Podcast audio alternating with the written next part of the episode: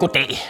I Danmark rammes over 400.000 mennesker om året af stresslignende symptomer. Øh, vi er alle sammen blevet bevidste om den meget, meget stressede kultur, politikerne arbejder i. Og nu viser det sig, til alles meget store overraskelse, ah, vi alle sammen shocking news, at øh, de danske ministerier og embedsværket generelt er ramt af det, man kalder quiet quitting.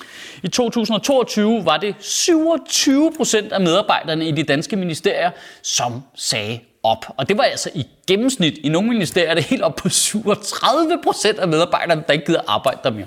Øh, og mange af dem de melder om en fuldstændig vanvittig arbejdskultur, hvor man arbejder sindssygt meget med meget pressede deadlines og med en meget, meget hård tone. Det som vores statsminister jo bare synes, vi skulle leve med. Øhm, og øh, det øh, taler direkte ind i en historie, hvor øh, fagbevægelsesbosser øh, rager på deres øh, egne medarbejdere og efterlader os borgere i et sted, hvor dem, der historisk set øverst i hierarkiet, skulle passe på os alle sammen, simpelthen øh, ikke engang kan passe på deres egne fucking medarbejdere. Og jeg skal ikke sige, hvem der er skyld i den her arbejdskultur. Jeg vil bare høfligt gøre opmærksom på, at Jacob Ellemann bliver leder af den mest historisk mest umulige opposition, der har været i det her land i fucking 100 år. Han når lige at blive formand for Venstre, før Lars Løkke og Inger Støjberg bare dolker ham i ryggen med hver sin kniv, laver deres egne partier og tager en masse venstrevælgere med sig. Så skal han kæmpe op ad bakke. Fuldstændig umuligt. Han får en diskusprolaps undervejs. Altså, han stresser afsted. Det er helt umuligt. Hans far fucking dør. Du ved, han, han, han, han, han, han, han kæmper sig ind i et valg, Total fucking op på bakke i den der valgkamp, så kommer de igennem det. Så skal han sidde med i nogle historisk pressede regeringsforhandlinger, hvor han skal vælge, om Venstre skal gå med i en midterregering, som de ikke har gjort fucking siden 2. verdenskrig. Du ved, der er maksimal pres på manden. Det lykkedes. De kommer i regering, der kommer ro på. Han arbejder sammen med Mette Frederiksen i tre måneder, og så går han ned med stress. I en normal gennemsnitlig dansk virksomhed, der udskifter man typisk 5-7% af medarbejderne hen over et år. Hvis der var 37 procent af medarbejderne i lavkagehuset, der bare sag op et år, så ville du bare have en HR-afdeling, der bare var helt oppe i det røde felt. Hvad foregår der, mand? Hvem er det, der slikker folk i ørerne? Er der nogen, der har puttet fucking pest i frokostbuffeten? What is going on?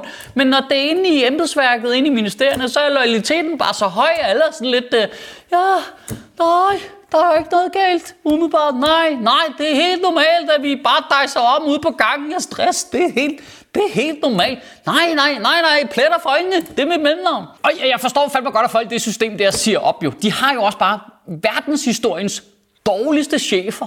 Politikerne, de er jo elendige ledere. Nok, nok mest toppet af vores statsminister Mette Frederiksen, som jeg stadigvæk ikke kan glemme. Øh, direkte adspurgt, om ikke det i sidste ende var hendes ansvar med minkskandalen, der svarede nej. Det er stadig ikke det mest sindssyge, jeg har set i fjernsynet. Altså, og jeg har set Anders Fogh lyve til krig. Altså, det var statsminister, der bare sad i sådan et hyggeprogram i Godaften Danmark og bare var sådan lidt, Nå, ansvaret? Nej, det, det tænker jeg ikke lige mit. Okay, hvorfor har du så det job? What is going on? Altså, vi, vi, vi bor i et land lige nu, hvor den minkskandal der, den har fået den hårdeste straf i skrivende stund.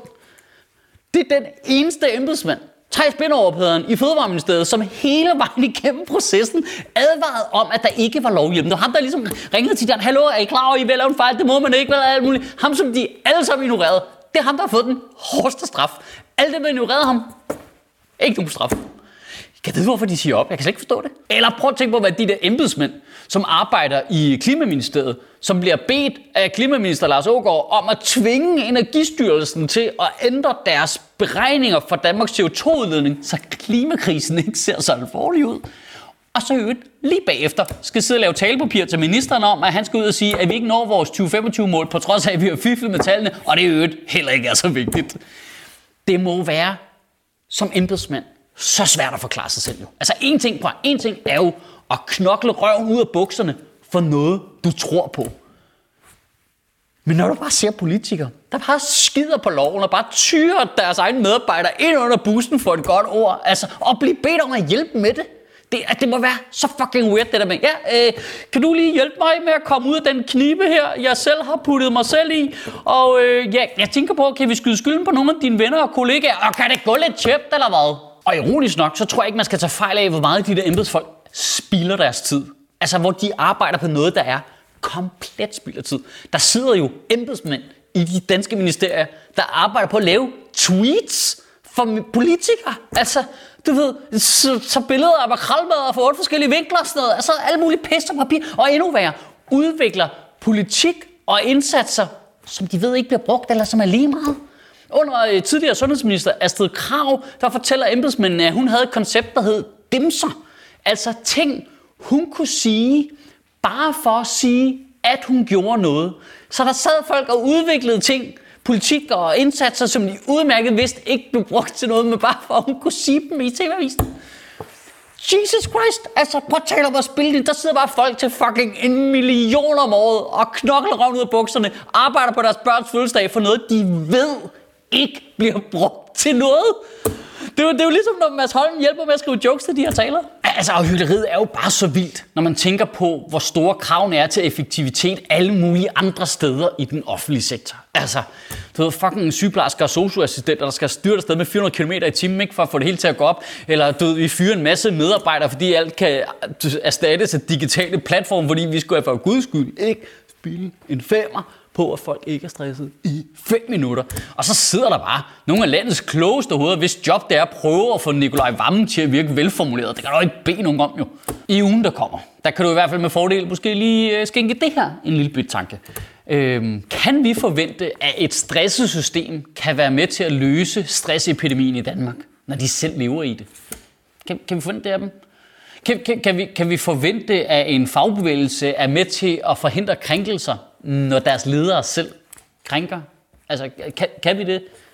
Altså, kan, kan vi forvente, at de mennesker, der er øverst i det her samfund, som selv behandler deres nærmeste ansatte helt af helvede til, kan være med til at lave regler for vores allesammens arbejdsmarked? Kan vi, kan vi det? Kan vi det? Kan du have en rigtig god uge og bevare min bare røv. Og hvis der er nogen, der spørger, så holder vi fast i, at Mads Holm han tjener 1 million om måneden. Det er det, vi holder fast i. Det er det, vi kører med. Sender du en mail ud?